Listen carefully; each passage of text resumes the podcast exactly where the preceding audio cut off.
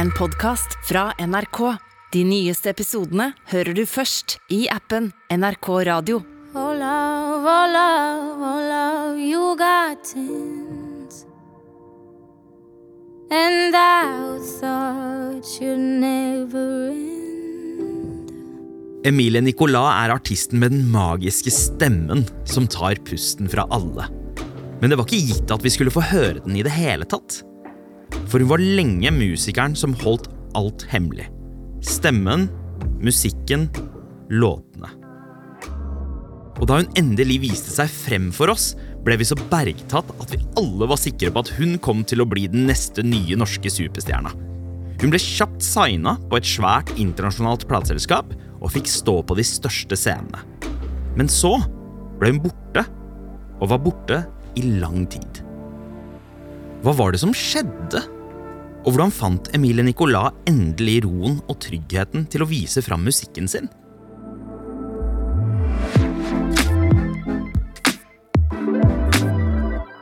Velkommen til Musikkrommet. Jeg heter Sandeep Sin.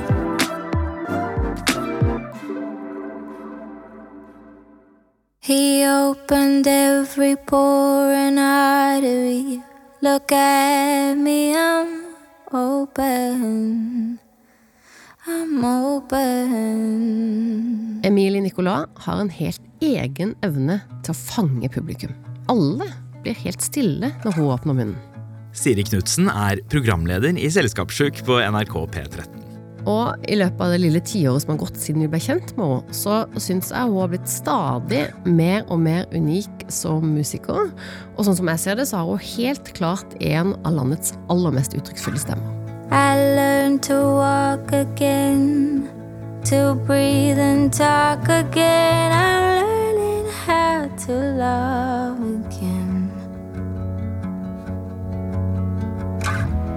It's all because of you. Stay with me, don't go while I'm open.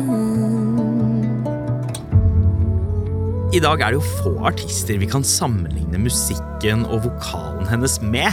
Men det at vi skulle få oppleve hennes store stemme, var ikke en selvfølge. For hun holdt den jo hemmelig for omverdenen ganske lenge. Ja, Og hun endelig delte han med oss, så holdt både hun og vi på å miste han igjen. For karrieren til Emilie har jo ikke vært uten hinder. Både egenskapte og ting som har vært helt utenfor hennes kontroll. Vi er på Bekkestua i Bærum tidlig på 90-tallet. Emilie Nicolai Kongshavn vokser opp med mamma og pappa i et rekkehus rett ved en idrettsstadion. Faren er en fransk kunstner som er glad i jazz.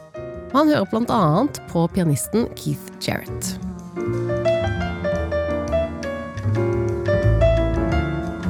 Men også på bossa nova-plater fra Brasil. Og akkurat det er noe en ganske liten Emilie også får sansen for. Og hun får helt hangup på én spesiell låt. Si você disser que eu desafino amor, saiba que isto em mim provoca imensa dor. Lille Emilie synes dette er den fineste sangen i hele verden. Og når hun er tre år gammel, forteller hun mamma at hun skal bli en sånn syngedame. Men begynner først å spille piano hjemme i stua.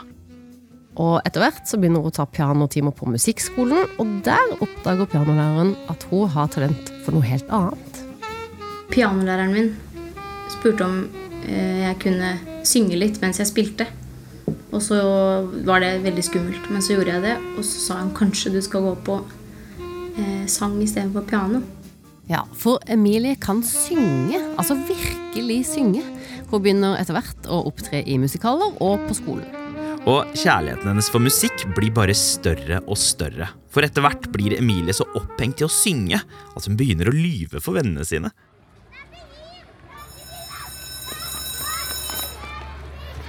For i femte klasse, når skoledagen er ferdig, så begynner Emilie å si at hun enten har andre planer eller må hjem og rydde hver dag. Men så løper hun hjem, låser alle dører, lukker vinduene, passer til og med på at alle lufteslusene er igjen. De bor jo tross alt i midten av en rekkehusrad, så det er jo folk overalt som kan få med seg det som nå skal skje. Nesten som et rituale begynner hun først å lage seg skiver med ost og gastromat, som hun spiser samtidig som hun ser en episode av såpeoperaen Days of Our Lives. Like sands through the hourglass, so are the days of our lives. Men så tar hun fram hårbørsten sin, setter en CD i CD-spilleren og trykker play.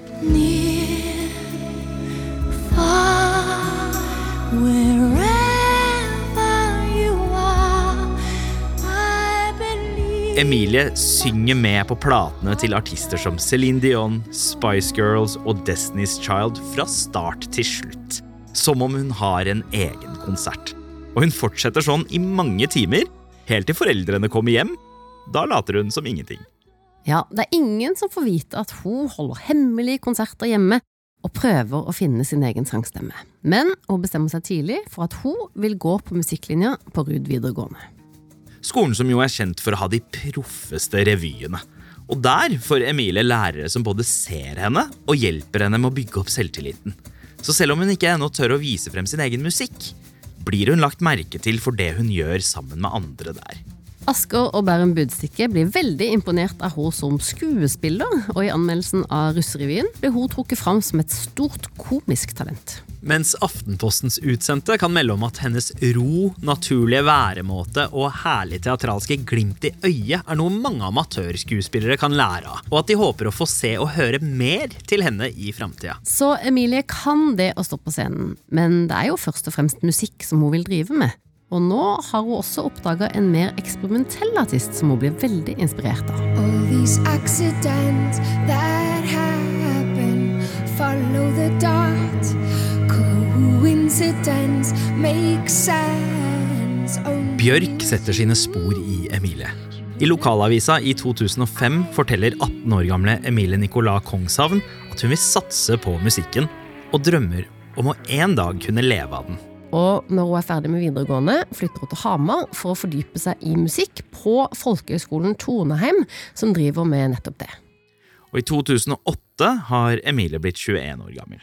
Og for første gang skal hun tørre noe hun aldri har turt før. Hun skal ta det ubehagelige steget og spørre noen om de vil spille med henne. For hun vil nemlig starte et eget band. Turte ikke å spørre noen på videregående, turte heller ikke å spørre når jeg gikk på Toneheim. Så jeg spurte på en måte etterpå. Og jeg husker på en måte at jeg var på fester med de, vi var jo venner. Og at det sikkert liksom var sikkert drita når jeg spurte. spurte. Men eh, livredd, livredd for å spørre. Herregud, så redd jeg var. Men når hun endelig tør å spørre tre kompiser, så takker de lett ja, og sammen danner de bandet oppkalt etter låtskriveren sjøl, Emniko. Og for aller første gang spilles låter Emilie har skrevet, live foran et publikum på konsert. Listen, I don't understand why you won't listen. You're talking to somebody, well, I am somebody too. So listen to me now. I 2010 søker Emilie seg til Jazzkonservatoriet i Trondheim. Og For å komme inn der så må hun gjennom en opptaksprøve som innebærer å opptre foran en jury. Og juryen blir så slått i bakken av den rå stemmen til Emilie at en av de, eh, sisteårsstudent Ingrid Helene Håvik fra det nystarta Highasakite, uttaler i intervjuet seinere at alle var enige om at Emilie måtte få plass på jazzlinja. While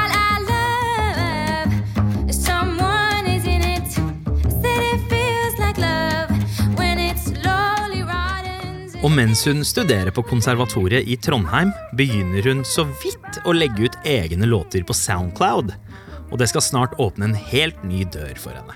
For i 2013, når Emilie egentlig har tenkt å dra videre til København og studere arabisk sang, så kommer det en forespørsel som endrer på alt. For byen som hun har bodd i de siste årene, skal få en ny festival, og de har lagt merke til låtene hennes på nett. Og da tok Trondheim litt sånn tak og var sånn Du er vår artist, Emilie.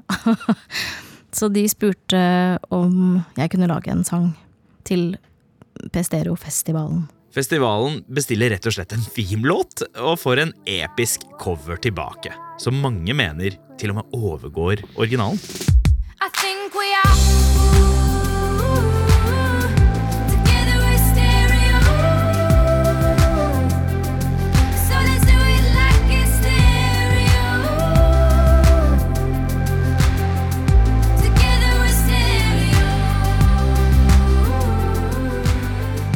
Det hun gjør med den gamle DumDum-låta til Pestereofestivalen, blir så enormt godt mottatt. Altså ikke bare av festivalgjengerne i Trondheim. Den blir plukka opp av P3 og blir spillelista på mange radiostasjoner. Og det som egentlig var et bestillingsverk, blir rett og slett Emilie Nicolas sin første singel og det store gjennombruddet. Og det blir kjapt klart for alle som hører henne, at vi har med et megatalent å gjøre. Og Emilie blir Seff boka til festivalen for alle up and coming artister i Norge, nemlig Bylarm. Og der så jo du henne for første gang, Siri. Ja, jeg husker at jeg pressa meg inn eh, ganske langt bak i et stappfullt telt på Youngstorget, sammen med en haug av skravlete og ganske fulle bransjefolk som har sett 10 000 konserter før, og derfor er jeg ganske blasert og mer opptatt egentlig av å skåle med sidemannen enn å følge med. Så jeg måtte stå på tå for å prøve å se noe som helst.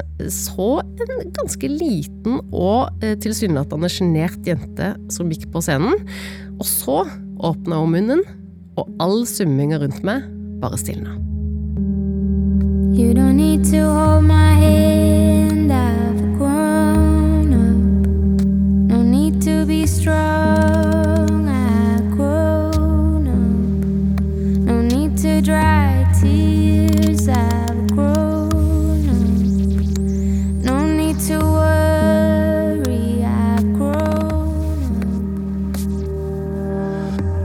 Altså, hun er et stjerneskudd. En fiks ferdig artist som fremstår som litt mystisk. Eh, Folk tror blant annet at hun er mye yngre enn det hun faktisk er. Og etter Bylarm så går det slag i slag. Hun blir invitert til en haug utenlandske festivaler, blant annet på Island. Og fra hun gir ut stereocoveren, tar det bare ett år før Emilie er klar med et helt album. Nobody knows why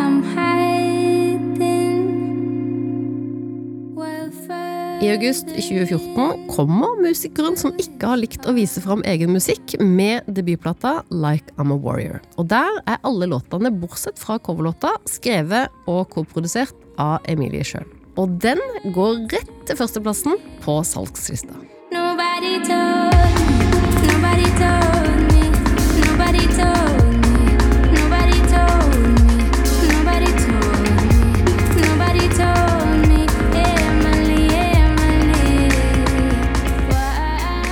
Med denne forrykende debuten ligger jo alt til rette for en gigakarriere for Emilie. Og hun blir booka til å opptre på P3 Gull samme høst.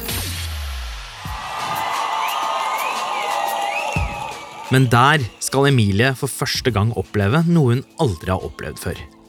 Sceneskrekk. September's. We. Jeg kjente at i den perioden så hadde jeg ikke noe lyst til å eksponere meg, på en måte. Det var ikke Det føltes altfor stort, alt sammen. Men eh, dette synes ikke utenifra. Hun er den nye yndlingen i musikkbransjen, og forventningene er store til at hun skal bli Norges neste store musikalske eksportvare.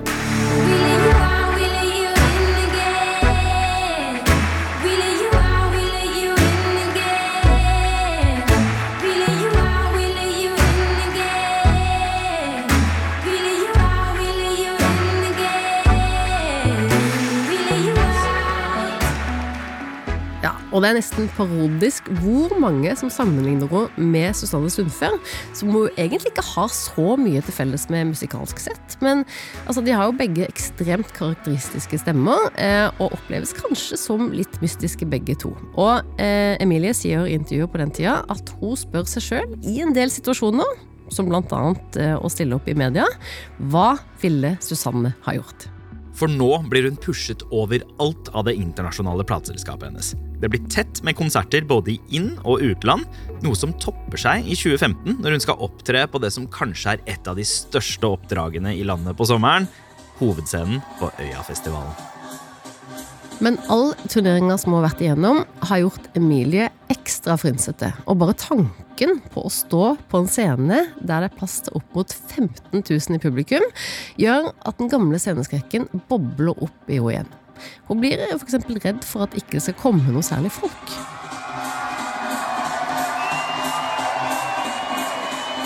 Men sletta foran amfiscena er absolutt ikke tom. Heller ikke halvfull. Folk samler seg som sild i tønne foran Emilie, og stemmepraktene hennes bærer over hele Tøyenparken og fyller folk med en følelse av å overvære noe stort. I Don't need a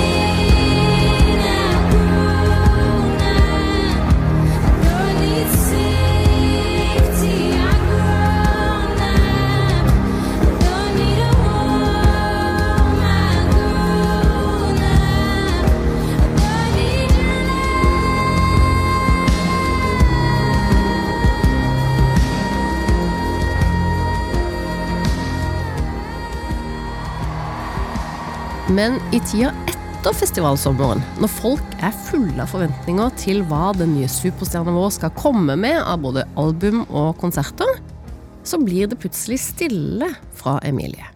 Helt stille. Hun avlyser konserter og trekker seg helt vekk både resten av 2015 og hele 2016. Og noen begynner å spekulere i om sceneskrekken og all oppmerksomheten ble for mye for debutanten. Det folk ikke ser, er en utmatta Emilie. Det var på en måte en, en veldig sånn tøff tid, fordi jeg, jeg hadde det ikke så bra. Sånn, jeg hadde mye angst i forhold til andre ting. At det liksom ikke var på stell, liksom, i meg. Og det å da liksom dra på turné, reise masse, kjemperedd for å fly. Sover dårlig, grubler fælt, er mye redd. Eh, og så i tillegg gjøre alt det her. Det er brutalt, på en måte. Du skal være ganske eh, jorda for å tåle mye av dette. Sceneskrekk og flyskrekk i tillegg er ikke akkurat et ideelt utgangspunkt for en musiker som skal ut og turnere. Min angst er veldig fysisk, så jeg blir svimmel og eh, klarer ikke å svelge. Og, og det blir litt sånn Det setter seg i kroppen, da. Så det er mye møter og, og mye konserter hvor jeg på en måte har det helt jævlig. og ikke få med meg på en måte det som er gøy, da. Rakettstarten hun har fått på karrieren, tærer på henne, og hun blir så svimmel at hun nesten ikke klarer å sitte vanlig på en stol. Jeg gikk rett inn i den uoriginale fellen av å synes at det er for mye. Og det er da, midt oppi alt dette, at hun opplever noe som hun aldri har opplevd før. Hun får et epileptisk anfall og havner på sykehuset. Og der oppdager legene noe enda mer alvorlig. Emilie har en svulst i hjernen. Det viser seg at den er medfødt. Det er ikke kreft, eh, og ikke noe som hun kan dø av, men hun må gjennom en operasjon med den risikoen det medfører. Dette kavernomet, eller svulsten som man kaller det for, lå på et sånn dumt sted. Som øh, ligger ved språket og øh, stemmen, halsen, og personlighet. Herlig sted å ligge. Eh, Så den måtte jo bort. Og for å sjekke at alt er i orden, må legene vekke Emilie midt under operasjonen og be henne gjøre noe som hun kan. Og i ørska så begynner Emilie å synge.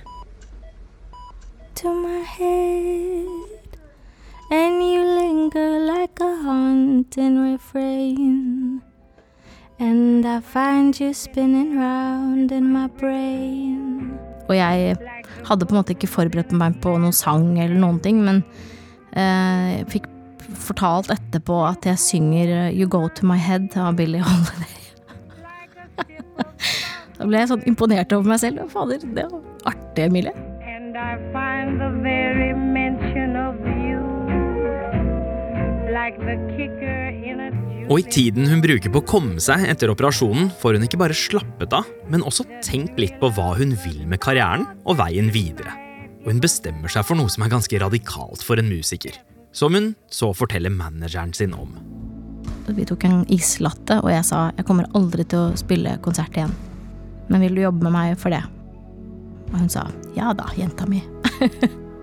Og i februar 2018 deler Emilie med omverdenen, først på Instagram, så gjennom media, hvorfor hun trakk seg tilbake og hva hun har gått igjennom. Men hun deler også nyheten at hun endelig er klar for å gi oss musikk igjen.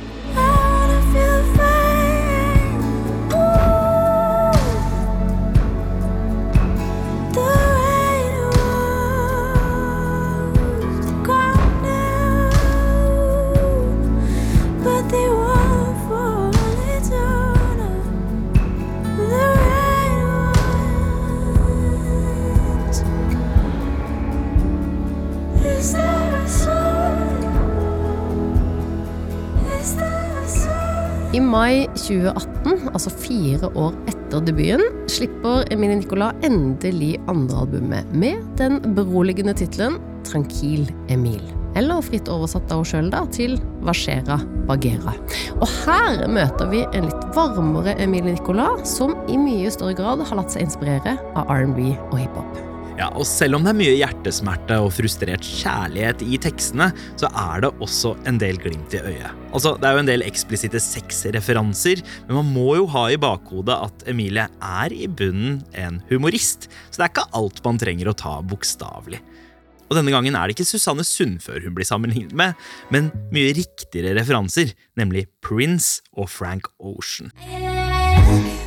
We were too hot, we melted off. A turning to night and daytime. It's been forever since I felt forever. But my words didn't come out. We, we were too high, we had to fall.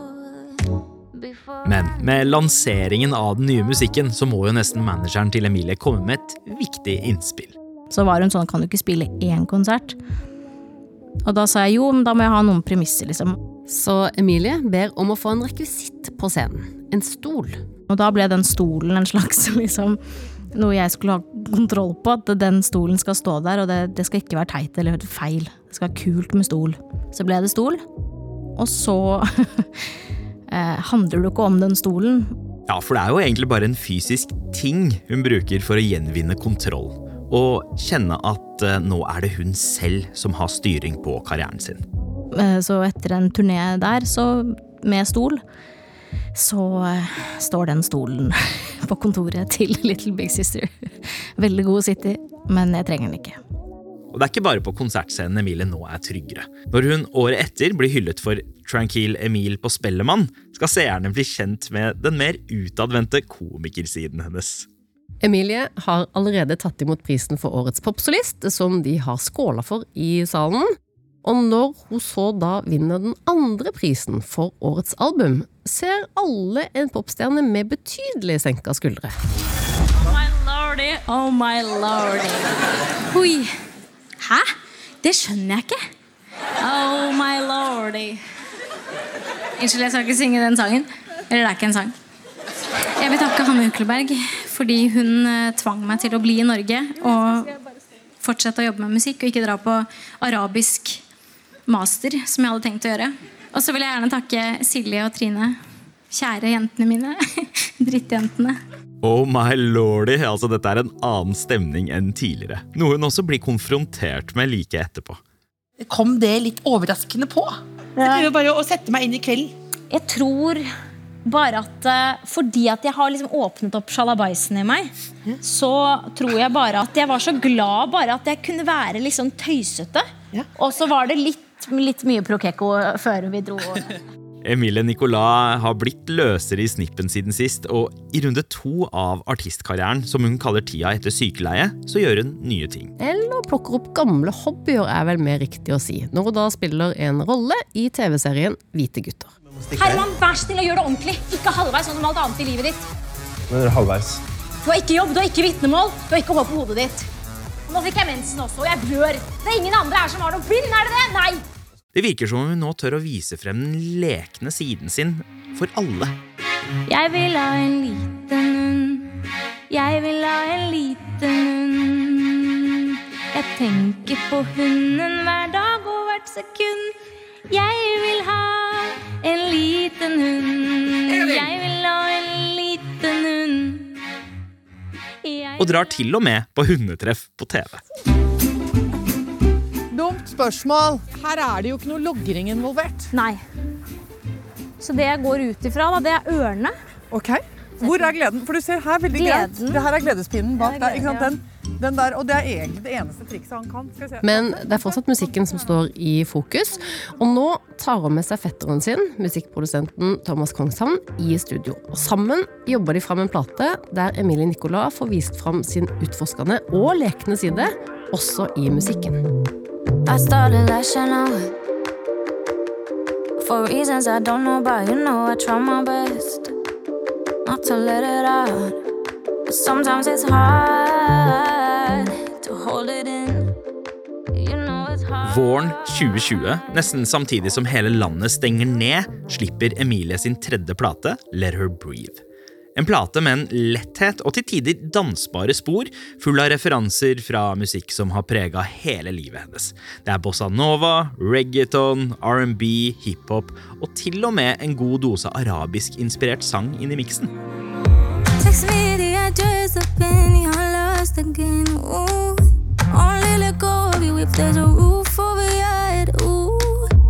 Doesn't look like you're gonna be safe around it. Og tekstene på albumet gir oss en kjærlighetsfortelling med en tydelig utvikling. Fra kaotisk og usikkert til nyvunnet ro og den blå himmelen bak skyene, som det sto skrevet i presseskrivet fra plateselskapet. Og fortsatt er jo tekstene også med det glimt i øyet som vi kjenner fra henne fra før av. Og når vi nå i 2022 endelig har åpna opp igjen for konserter og festivaler, vender Emilie Nicolas tilbake til den samme festivalen hun spilte på for syv år sia. Øyafestivalen. Og der var jo du, Siri. Ja, og for en konsert det var. Ikke bare fikk vi endelig oppleve låtene fra Let Her Breathe live, noe som jeg så rundt meg førte til at store deler av publikum, eh, inkludert meg, sto med tårer i øynene, og eh, for ganske mange sin del også nedover kinnene.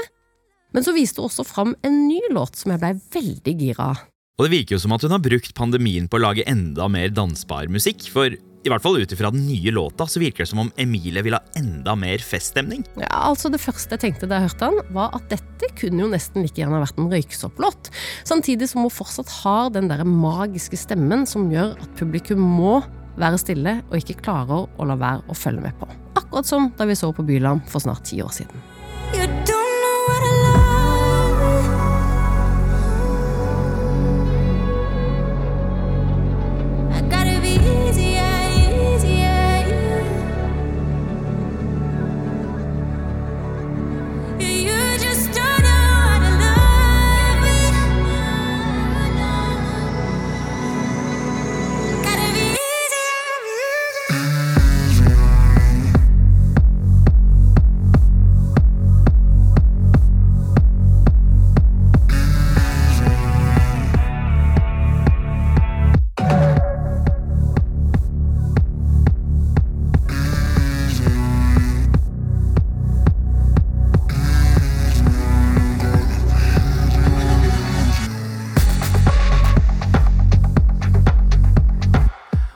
evnen hun har til å fange oppmerksomheten, har hun jo også vist fram i utrolig mange ulike samarbeid, med alt fra Ari og Isa til Bendik Brenne og hennes egen helt, Hanne Hukkelberg. For ikke å glemme interessen hennes for midtøstlige toner, som kom enda mer fram i samarbeidet hun gjorde med Karpe på deres Omar Sheriff. Og selvfølgelig livefremføringen hun hadde av den i Oslo Spektrum i august. Altså, herregud, så vakkert.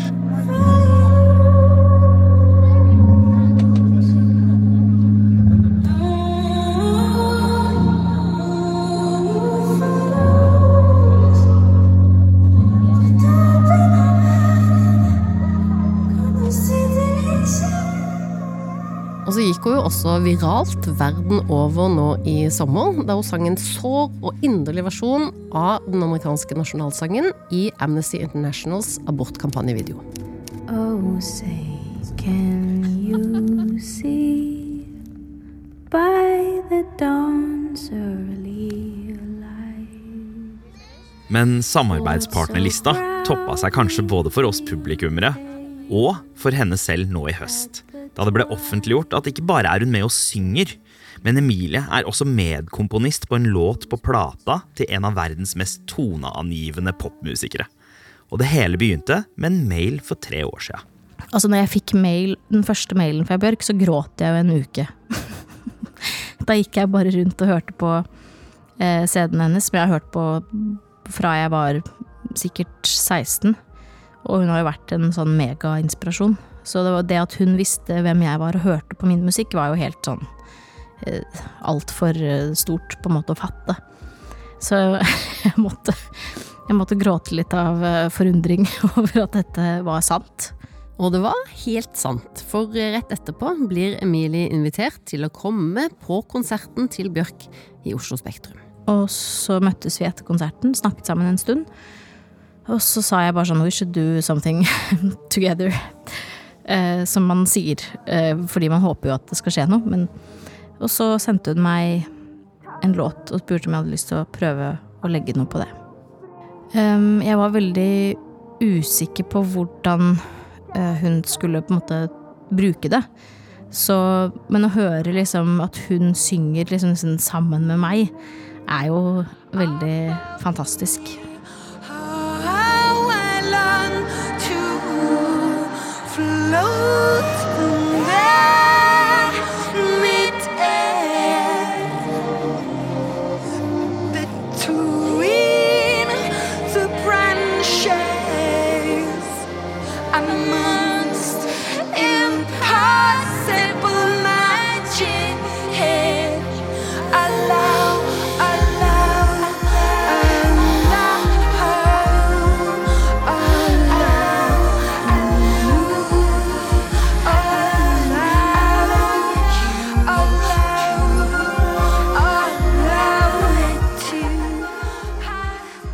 Altså, Hun har jo i dag overgått selv de store forventningene alle fikk da hun først debuterte. Ja, men til forskjell fra da, så har hun nå fått gjøre det på sin måte og i sitt tempo.